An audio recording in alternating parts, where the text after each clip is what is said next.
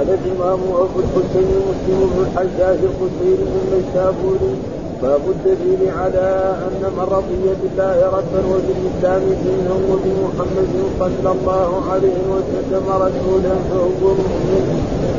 وإن ارتكب المعاصي الكبائر قال حدثنا محمد بن يحيى بن أبي عمر الاسري وذكر بن الحكم قال حدثنا عبد العزيز وهو ابن محمد بن السراوردي عن يزيد بن الهادي عن محمد بن إبراهيم عن عامر بن سعد عن العباس بن عبد المطلب أنه سمع رسول الله صلى الله عليه وسلم يقول لا قطعن الإيمان من رضي بالله ربا وبالإسلام دينا وبمحمد رسولا. باب بيان باب بيان عدد باب بيان عدد شعب الإيمان وأفضلها وأدناها وفضيلة الحياء وكونه من الإيمان. قال حدثنا عبيد الله بن سعيد وحسن حميد قال حدثنا أبو عامر الحقسي قال حدثنا سليمان بن بلال عن عبد الله بن دينار عن أبي صالح عن أبي هريرة عن النبي صلى الله عليه وسلم قال الإيمان بضع وسبعون شعبه والحياء شعبه من الإيمان. قال حدثنا زهير بن حرب قال حدثنا جرير عن زهير عن عبد الله بن دينار عن أبي صالح عن أبي هريرة قال قال رسول الله صلى الله عليه وسلم الإيمان بضع وسبعون أو بضع وستون شعبه فافضلها قول لا إله إلا الله. وادناها إماطة الاذى عن الاذى عن الطريق والحياء شعبه من الإيمان. قال حدثنا أبو بكر بن ابي شيبه وعمر الناقد الناقد الناقد الناقد وزهير وعمر الناقد وزهير بن حرب. قالوا حدثنا سفيان بن عيينة عن الزهري عن سالم عن أبيه سمع النبي صلى الله عليه وسلم رجلا يعظ أخاه بالحياء. الحياء من الإيمان قال حدثنا عبد بن حميد قال حدثنا عبد الرزاق. قال أخبرنا معمر عن الزهري بهذا الاسناد وقال مر برجل من الأنصار يعظ أخاه. قال حدثنا محمد بن المثنى ومحمد بن بشار وداود بن المثنى قال حدثنا محمد بن جعفر قال حدثنا قال حدثنا شعبة عن قتادة قال سمعت ابا السواري يحدث أنه سمع عمران بن حصين يحدث يحدث عن النبي صلى الله عليه وسلم أنه قال الحياء لا يأتيه إلا بخير. فقال بشر بن كعب إنه مكتوب بالحكمه ان منه وقارا ومنه سكينه فقال عمران أحدثك عن رسول الله صلى الله عليه وسلم وتحدثني عن صحفي فحدثنا يحيى بن حبيب الحارثي قال حدثنا حماد بن زيد عن إسحاق وهو ابن سويد أن أبا قتادة حدث قال كنا عند عمران في حصين في رهط منا وفينا بشر بن كعب فحدثنا عمران يومئذ قال قال رسول الله صلى الله عليه وسلم الحياء خير كله. قال أو قال الحياء كله خير. فقال بشر بن كعب أنا لنجد في بعض الكتب أو الحكمه أن منه سكينة ووقار الله ومنه ضعف. قال فغضب عمران حتى مرتا عيناه وقال ألا أراني أحدثك عن رسول الله صلى الله عليه وسلم وتعارض وتعارض به. قال فأعاد عمران الحديث. قال فأعاد بشر فغضب عمران. قال فما زلنا نقول فيه إنه منا يا أبا نهي إنه لا تنسجه قال حدثنا إسحاق بن إبراهيم. قال اخبرنا أخبرنا النضر. قال حدثنا أبو نعامة العدوي. قال سمعت حسين بن صفير العدوي يقول عن عمران بن حصين عن النبي صلى الله عليه وسلم عن حديث حماد بن زيد. أبو جامع اوصاف الإسلام. قال حدثنا أبو بكر أعوذ بالله من الشيطان الرجيم. بسم الله الرحمن الرحيم. الحمد لله رب العالمين والصلاة والسلام على سيدنا ونبينا محمد وعلى آله وصحبه وسلم أجمعين. أما بعد فإن أصدق الحديث كتاب الله وخير الهدي هدي سيدنا محمد صلى الله عليه وسلم وشر الأمور محدثاتها. وكل محدثة بدعة وكل بدعة ضلالة وكل ضلالة في النار. قال الإمام أبو الحسين مسلم بن الحجاج القشيري النيسابوري رحمه الله تعالى بسم الله الرحمن الرحيم. والباب باب الدليل على أن من رضي بالله ربا وبالإسلام دينا وبمحمد صلى الله عليه وسلم رسولا فهو مؤمن وإن ارتكب المعاصي الكبائر وجود في هذا يأتي الأحاديث عن رسول الله صلى الله عليه وسلم ويجمعها في هذا الباب ان أن من رضي بالله ربا.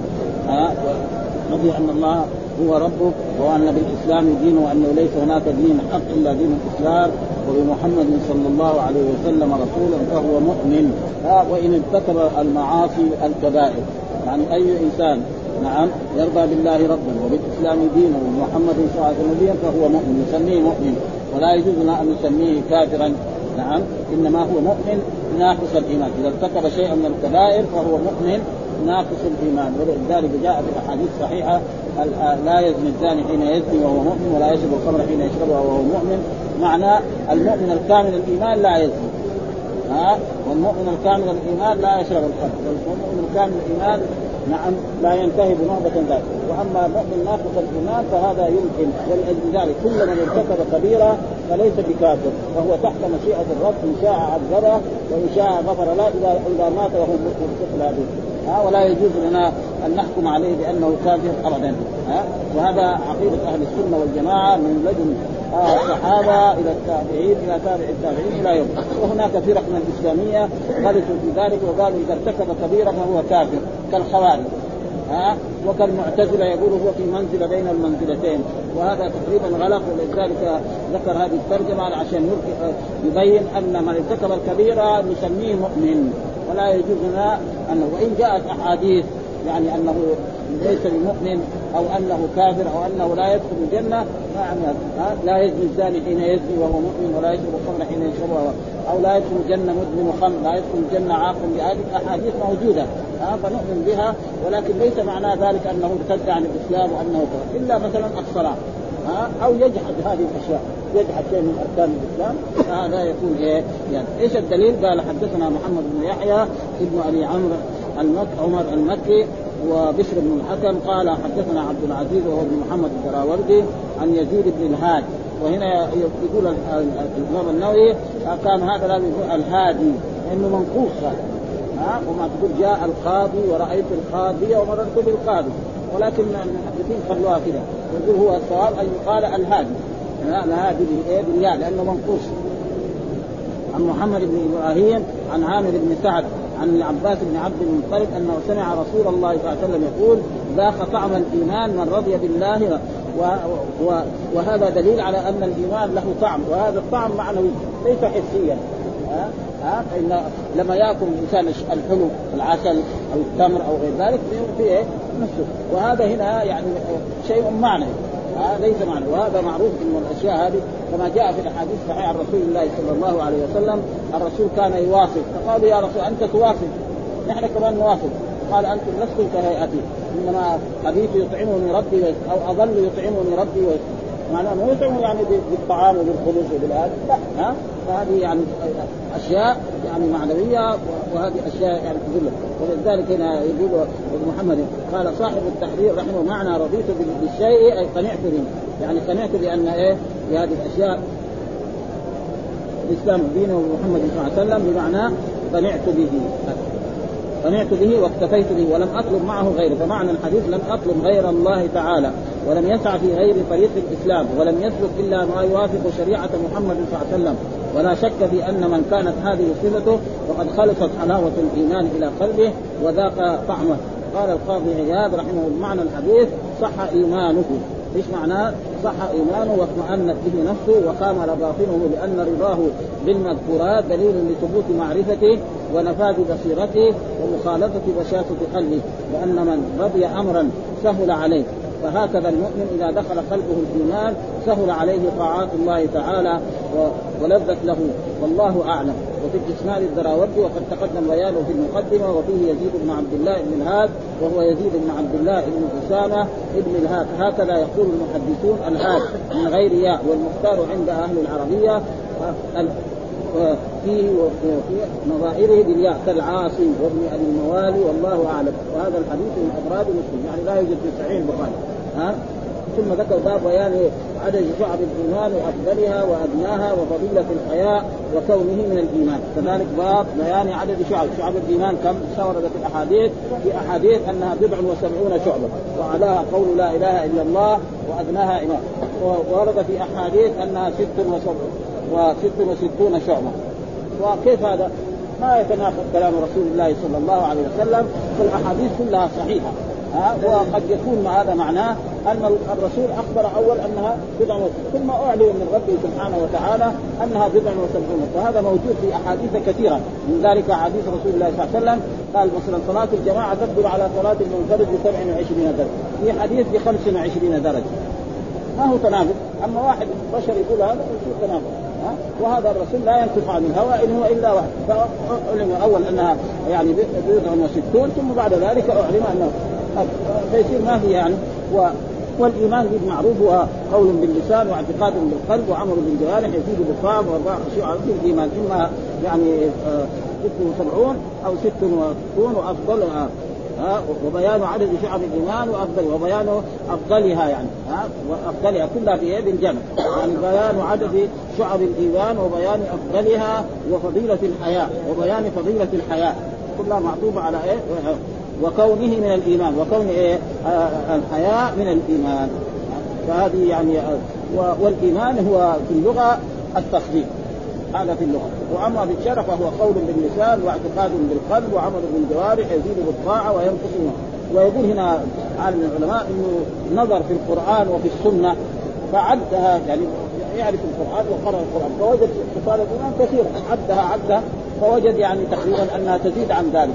أو تقل عن ذلك. ثم جمع بين السنة وهذا فوجدها تقريبا يعني ما تزيد إلا قليل وكثير يعني زي ليس البر أن تولوا وجوهكم قبل المشرق والمغرب ولكن البر من آمن بالله واليوم الآخر والملائكة والكتاب والنبيين وآتى المال على حقه ذوي القربى واليتامى والمساكين وابن السبيل والسائلين وفي الرقاب وأقام الصلاة واتى الزكاة والموفون بعهد إذا عاهدوا والصابرين في الباساء والضراء وحين البأس. هذا كلها انتصاب الايمان ها؟ وكثير يعني موجود فإذا عددها يعني يمكن إيه؟ يكون في هذا فيقول في هذا الحديث يعني حدثنا عبيد الله بن سعيد وعبد بن حميد قال حدثنا أبو عامر العقدي حدثنا سليمان بن بلال عن عبد الله بن دينار عن أبي صالح عن أبي هريرة عن النبي صلى الله عليه وسلم قال الإيمان بضع وسبعون شعبة والحياء سبع والبضع من الثلاثة إلى تسعة أو إلى عشر. هذا معنى البضع في اللغة العربية. تقول بضع بضع عشر رجلا أو بضع معناه من ثلاثة إلى عشرة أو بضع رجال أو من ثلاثة إلى عشرة أو من ثلاثة إلى تسعه وسبعون شعبة. والشعبه معنى الخصلة. يعني إيش خصلة من خصال إيه؟ الإيمان. والحياء شعبة من الإيمان. وهنا ذكر أشياء يعني نقرأ شيء منها. يعني يقول هذا عن أبي هريرة أن في عن أبي صالح عن أبي هريرة بضع وسبعون أو بضع وستون. كذا وقع في مسلم وفي رواية سهيل بضع وسبعون أو بضع وستون على الشك ورواه البخاري في أول الكتاب من رواية العقل بضع وستون بلا شك. ورواه أبو داود والترمذي وغيرهما من رواية سهيل بضع وسبعون بلا شك. ورواه الترمذي من طريق آخر قال فيه أربعة وستون بابا.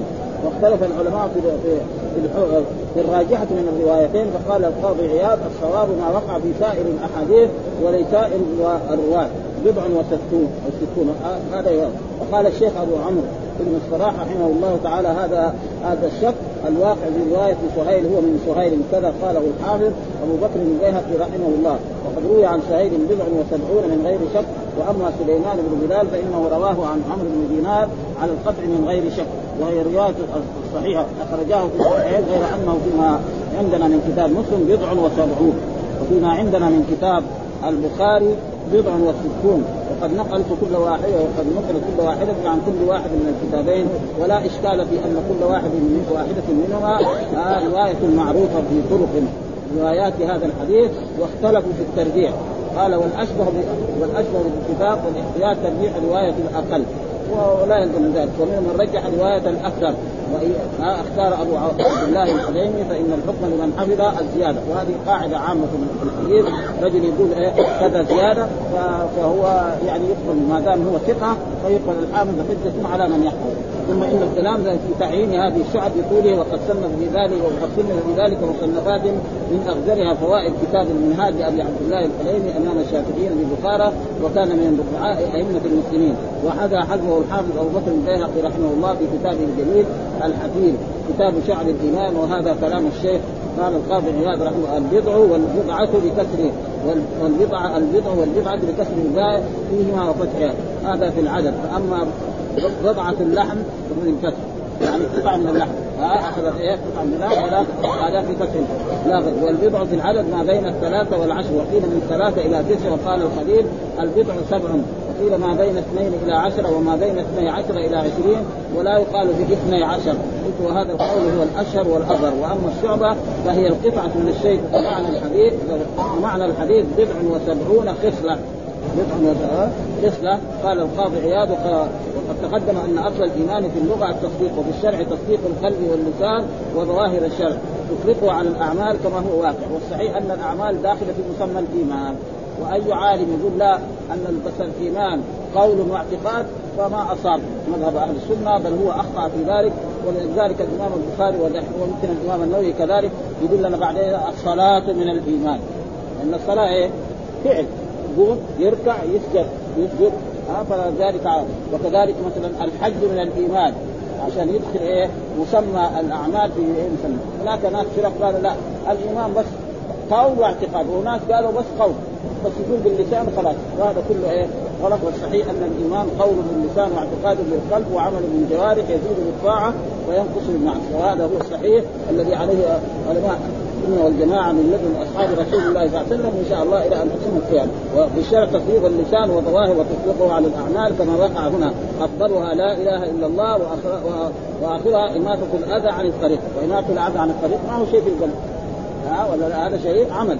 يجي حجر أو يجي شوكه أو يجي حفرة فيغطيها فهذا إيه عن الطريق وقد قدمنا أن كمال الإيمان بالأعمال وتمامه بالطاعات وأن التزام الطاعات وأن التزام وضم هذه الشعب من جملة التصديق ودلائل عليه وأنها خلق أهل التصديق فليست خارجة عن اسم الإيمان الشرعي ولا اللغوي. وقد نبه صلى الله عليه وسلم على أن أفضلها التوحيد المتعين على كل أحد والذي لا يصح شيء من الشعب إلا بعد صحته وأدناها ما يتوقع ضرره بالمسلمين.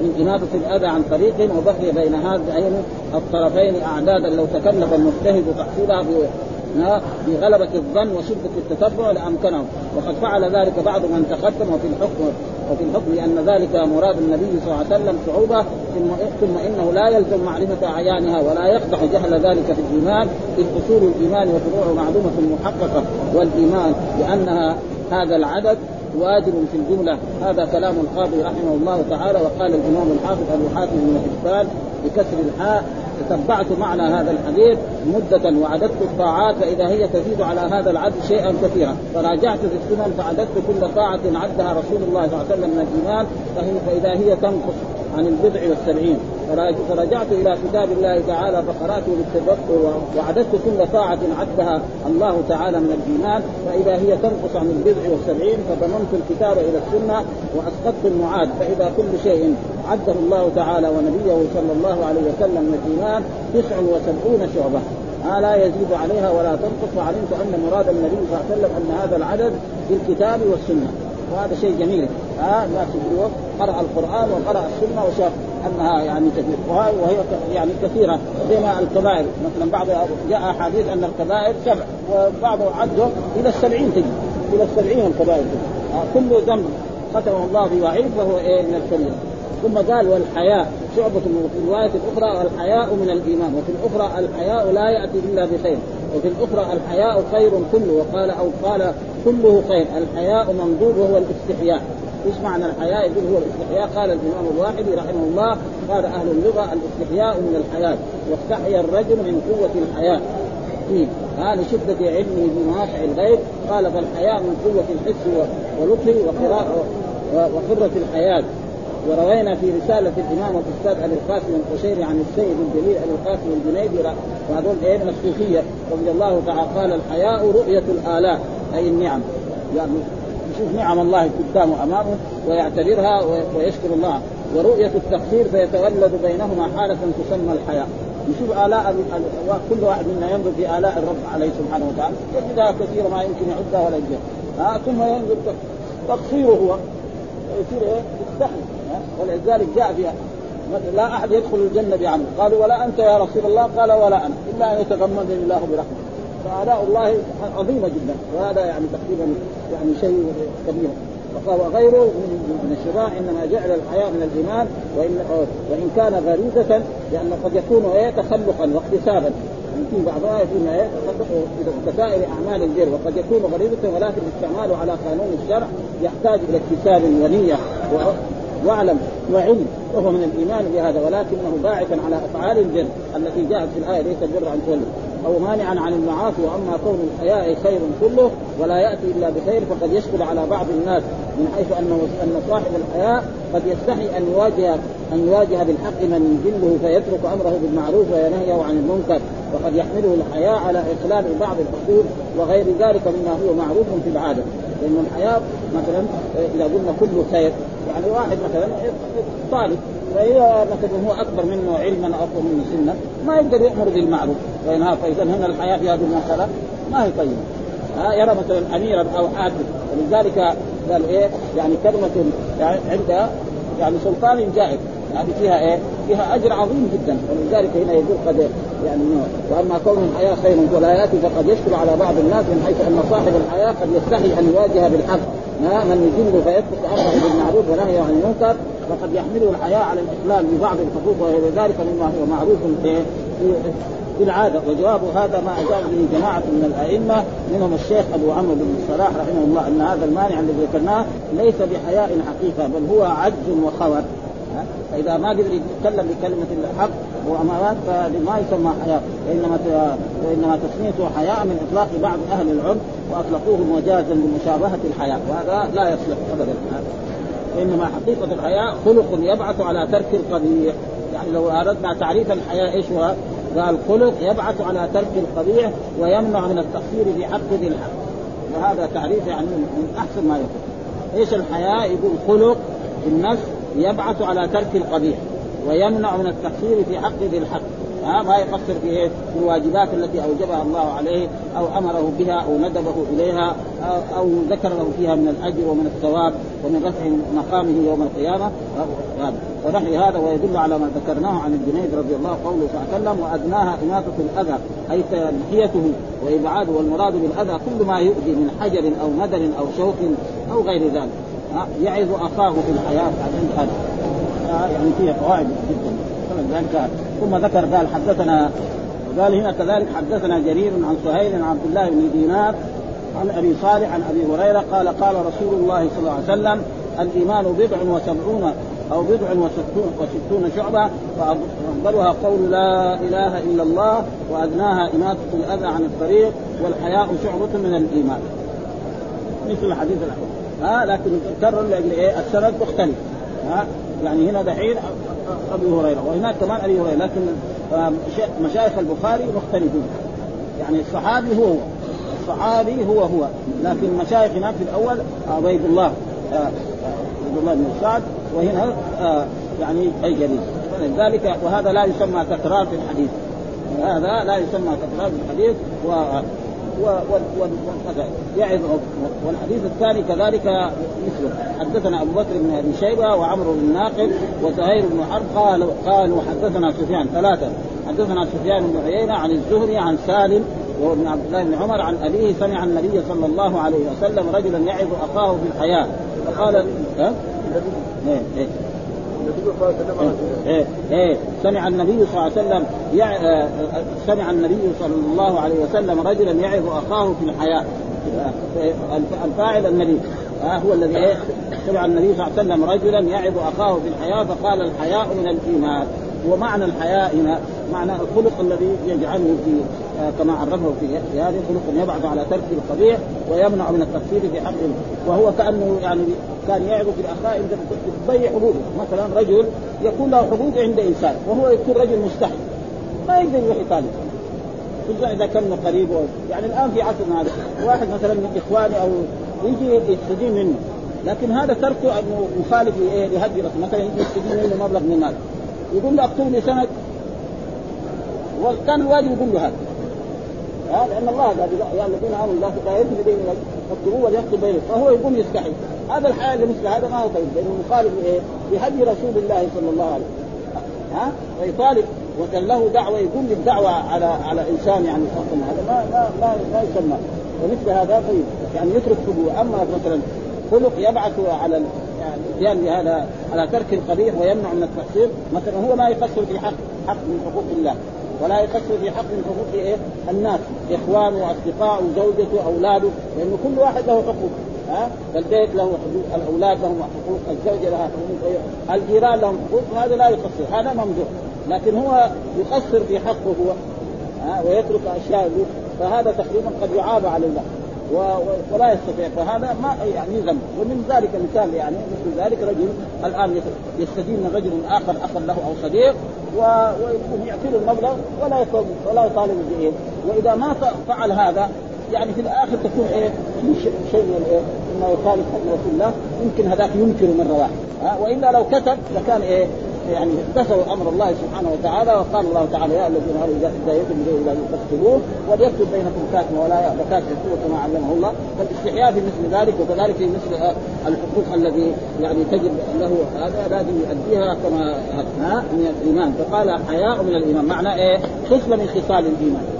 الحياء خصله من إيه؟ من وخصال الايمان كثيرة يعني تصل إلى السبعين أو إلى الستين أو إلى أكثر من ذلك ويدخل فيها كل أمر أمر الله به أو أمر به رسوله صلى الله عليه وسلم وذكر فيه مثلا أجر فالصلاة والزكاة والتسبيح والتهليل وكل هذا تقريبا يدخل في إيه؟ في هذه الأشياء قال يعظ أخاه ينهاه ويقبح له فعله ويزجره عن كثرته. فنهاه النبي صلى الله عليه وسلم عن ذلك فقال دعوا فان الحياء من أي دعوا على فعل الحياء وكف وكف عن نهي يعني. ووقعت لفظة دعه في البخاري ولم تقع في مسلم قول مسلم فيعني يعني وكان يعني يترك بعض حقوقه فهذا فيه طيب لأنه هذا معناه من سماحة الإنسان. والا الناس اللي ما ما يسمح به ابدا ولو قرش يعني ما يسامح الناس ها؟ فدعه ثم وكذلك الحديث الثاني قال حدثنا عبد بن حميد حدثنا عبد الرزاق قال أخبرنا معمر عن الزهري بهذا الإسناد. هذه نفس هذا الإسناد يعني نفسه أن الرسول مر على رجل يعظ أخاه في الحياة فقال الحياء من الإيمان والسند مختلف. سند الحديث مختلف. قال حدثنا محمد بن المثنى ومحمد بن بشار واللفظ لابن المثنى قال حدثنا محمد بن جعفر قال حدثنا شعبة عن قتادة قال سمعت ابا السواد يحدث انه سمع عمران بن حسين يحدث عن النبي صلى الله عليه وسلم أنه قال الحياء لا يأتي إلا بخير. فقال بشير بن كعب إنه مكتوب في الحكمة أن منه وقارا ومنه سكينة. فقال عمر أنا أحدثك عن رسول الله صلى الله عليه وسلم وتحدثني عن صحبك. وهذا فيه رد يعني عمران بن حسين يحدث يحدث عن رسول الله يحدث عن النبي صلى الله عليه وسلم. قال الحياء لا يأتي إلا بخير. الحياء لا يأتي إلا بهذا كلام رسول الله صلى الله عليه وسلم فلازم إيه؟ يعني يقول سمعنا وأطعنا سواء فهم أو لم يفهم. فهذا فقال بشير بن كعب هذا ها إنه مكتوب في الحكمة. يعني مكتوب في كتب الحكمة ومكتوب في بعض الكتب وفي بعض الصحف أن الحياء ينقسم إلى قسمين. يعني أو إلى ثلاثة أقسام. ها؟ ها؟ منه الحكمة انه منه وقار ومنه سكينة. فيه منه شيء وقار ومنه سكينة. ها؟ ولكن و وتحدثني عن فقال أنا أحدثك يعني يقول الحياة من الإيمان فإنت تقول منه وقار ومنه سكينة. فما ثم هناك في الحديث هذا تحدثني عن سخن الانسان إذا قيل قال رسول الله صلى الله عليه وسلم يقول سمعنا ولا يرد كلام رسول الله صلى الله عليه وسلم فزعل عمران بن حصير على هذا الشخص و و وكرر عليه. أقول لك أنا يعني الرسول يقول الحياء لا يأتي إلا بخير وأنت تقول لي أنه منه وقار ومنه سكينة ومنه يعني في يعني قد يعاب عليه وتحدثني عن صغري لا يجوز الإنسان أن يحدث عنه. وهذا يجب على كل إنسان مسلم اذا قيل رسول الله. ولذلك إذا حصل خلاف بين العلماء أو بين الأئمة أو بين طلبة العلم فان تنازعتم في شيء فردوه إلى الله وإلى الرسول إن كنتم مؤمنين. والآية فلا وربك لا يؤمنون حتى يحكموك فيما شجر بينهم ثم لا يجدوا في أنفسهم حرجا مما قضيت ويسلموا تسليما. هذا الواجب في إيه؟ يعني في النزاع الذي يحصل بين العلماء وبين طلبة العلم في المسائل العلمية. ها وغير ما مر قلنا أن الرسالة رفع الملام عن الأئمة الأعلام. في رسالة لشيخ الإسلام ابن تيمية ذكر فيها أن إمام من الأئمة يخالف نص من النصوص. وذكر الأمثلة ثم مثل بإيه؟ بأصحاب رسول الله صلى الله عليه وسلم ولم يمثل بالأئمة، يعني مثل بأبي بكر وبعمر وبعثمان وبعلي مسائل علمية لا يعرفونها هؤلاء الصحابة الكبار وصحابة صغار يعلمونها وكذلك وفوق كل ذي علم عليم. هذا الواجب. ولذلك هنا يعني تأثر منه الله بن عمر. يعني كنا في رهط فحدثنا اذان الاسلام وكل مسجد وهذا من النفاس اجتماع الاسنادين في الكتاب. متراسخين جميعا بصريون وشعب وإن كان واسطيا فهو بصري أيضا. أنه قال وقال عمران أحدثك عن رسول الله وتحدثني عن صهر لا ها لا ينبغي للإنسان أن ها والحديث الثاني برضه بمعناه. قال حدثني يحيى بن حبيب الحارثي حدثنا حماد بن زيد عن إسحاق وهو ابن أبي سويد أن أبا قتادة حدث قال كنا عند عمران بن حسين في رهط يعني في جماعة منا وفينا بشير بن كعب فحدثنا عمران يومئذ قال قال رسول الله صلى الله عليه وسلم الحياء خير كله. قال أو قال الحياء كله خير. فقال بشير بن كعب إنا لنجد في بعض الكتب أو الحكمة أن منه سكينة ووقار ومنه ضعف. هذا إيه؟ هذا هو إن هذا إن نجد في بعض الكتب. يعني بعض الكتب مو كتب الرب. يعني كتب الناس الحكماء وناس هذا ها؟ أو الحكمة. بعض الحكم عند بعض العرب وبعض الناس إن منه سكينة ووقار لله ومنه ضعف. فقال فغضب عمران حتى احمرتا عيناه زعل ليه؟ عشان بيرد إيه؟ كما رسول الله صلى الله عليه وسلم قال لولا أن أراني أحدثك. وقال ألا أراني أحدثك عن رسول الله وتعارض فيه؟ كيف أنا أقول لك الرسول يقول كذا وأنت تقول إنه في بعض الكتب وفي بعض الكتب الحكمة وفي بعض عند الناس يقولوا أن فيه هو يكون يعني سكينة ووقار ومنه ضعف. ها؟ فلا فزعل عليه جدا وتعارض بهذا فهذا ما يجوز للإنسان أن يعارض كلام رسول الله. فعاد عمران الحديث. يعني مرة ثانية يعني نزعني عاد عليه الحديث. أقول له أنا أقول لك الحياء كله خير. وتقول لي أنت في بعض الكتب وفي بعض الحكمة أن منه سكينة ووقار ومنه ضعف. ها فقال لا لا أعاد عمران الحديث. قال فأعاد بشير فغضب عمران. قال فما زلنا نقول له فيه إنه إنه منا ابن النجيد وهذه ابن النجيد يعني يعني كنية لإيه؟ لعمران بن حسين. ها كنية ومعلوم أن كل اسم سطر بأب أو أم يسمى كنية. والاسم الذي ما فيه لا أب ولا أم هذا يسمى اسم. والذي يدل على المدح أو الذم يسمى لقب. هذه ها زين العابدين تقي الدين هذا هذا يسمى لقب. فإذا كان فيه أول واب أو أم هذا كله. فقال يا أبا نجيد قالوا للحاضرين هذول يا أبا نجيد آه لا بأس به. يعني نحن نعرف هذا بشير بن كعب ما هو ناس من الزنادقة أو ناس من الذي يرد أحاديث رسول الله صلى الله عليه وسلم إنما يتكلم بهذا. يعني ليس هو عنده نفاق. ما هو عنده نفاق ولا عنده زندقة ولا عنده اعتراض. يعني عشان يرضى عنه وهذا هو إيه؟ واجب يعني العلماء وواجب طلبة العلم أنهم إذا إنسان قال مثل هذه الاشياء لا يترك هكذا قالوا في بعض آه، الكتب والحكمة أن منه سكينة ووقار لله تعالى ومنه ضعف غضب عمران حتى احمرت عيناه وقال أنا أحدثك عن رسول الله وتعارض فيه إلى قوله فما زلنا نقول أنه منا يا أبا نجيب آه، أنه لا بأس. أما بشير فبضم الباء وفتح الشين وقد تقدم بيانه وبيان أمثاله في آخر الفصول وقد تقدم هو أيضا في أول المقدمة. وأما نجيد فبضم النون وفتح الجيم وآخره دال مهملة وأبو نجيد هو عمران بن حصين. كني به نجيد. هذا له ابن نجاة وأما الضعف فبفتح الباب وضمها لغتان مشهورتان وقول حتى احمرتا عيناه كذا. نعم في الاصول وهو صحيح جار على لغة اكلون البراغيث. ها مرتا عيناه يعني كان يقول حتى احمرت عيناه. ها؟ يعني كان يعني القاعدة حتى احمرت عيناه. لأنه دائما عندنا قاعدة في اللغة في النحو أن الفعل إذا أسند للمثنى والجمع لا تلحق لا علامة التسمية ولا علامة. تقول جاء المحمدان. جاء الرجلان. ما تقول جاء الرجلان. وتقول جاء الرجال. وجاءت الفاطمات. ولا تقول جئنا الفاطمات. وهنا قال احمر فاذا هي لغة. والرسول تكلم بها يتعاقبون فيكم ملائكة بالليل وملائكة بالنهار ها؟ الرسول قال يتعاقبون. كان على القاعدة النحوية يقول يتعاقب فيكم ملائكة بالليل وملائكة بالنهار فإذا هي جائزة ها؟ وكثير موجودة يعني. أو مخرجيهم. يعني في فوائد يعني من هذه الآية. هذا هو الأصول. وهو صحيح جاري على لغة أكلون البراغيث. هذا الرجل يسمى لغة أكلون البراغيث لأن هذا الرجل كان يقول أكلني البراغيث. كان لازم هذا الرجل يقول أكلني البراغيث، البراغيث معناه يعني الغد وغير ذلك. هذا البراغيث يقول أكلني البراغيث ودائما الواو لإيه؟ للعقلاء. والبراغيث ما هم عقلاء. ما يجوز ها؟ لازم يقول أكلني البراغيث هو قال أكلوني. ففي إيه؟ يعني اسناد الواو هذا؟ ما, ما هو صحيح.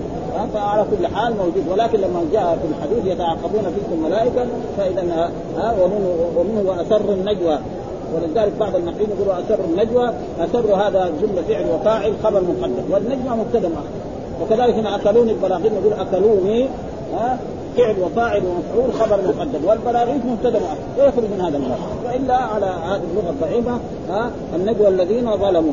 على أحد المذاهب ومثل يتعاقبون فيكم ملائكة من الليل وأشباهه كثيرة معروفة ورويناه في سنن أبي داود واحمرت عيناه وهذا الصحيح واحمرت عيناه من غير ألف وهذا ظاهر وأما إنكار عمران رضي الله عنه فلكونه قال منه ضعف ها؟ يعني منه سكين وأفعال هذا ما فيه. ضعف بعد سماع يقول إن إنه خير كله ومعنى تعاود تعاود تأتي للكلام في مقابلته وتعترف بما يخالفه وقول إنه منا لا بأس به. معناه أنه ليس هو ممن اتهم بنفاق أو زندقة أو بدعة أو غيرها مما يخالف به أهل الاستقامه والله تعالى أعلم.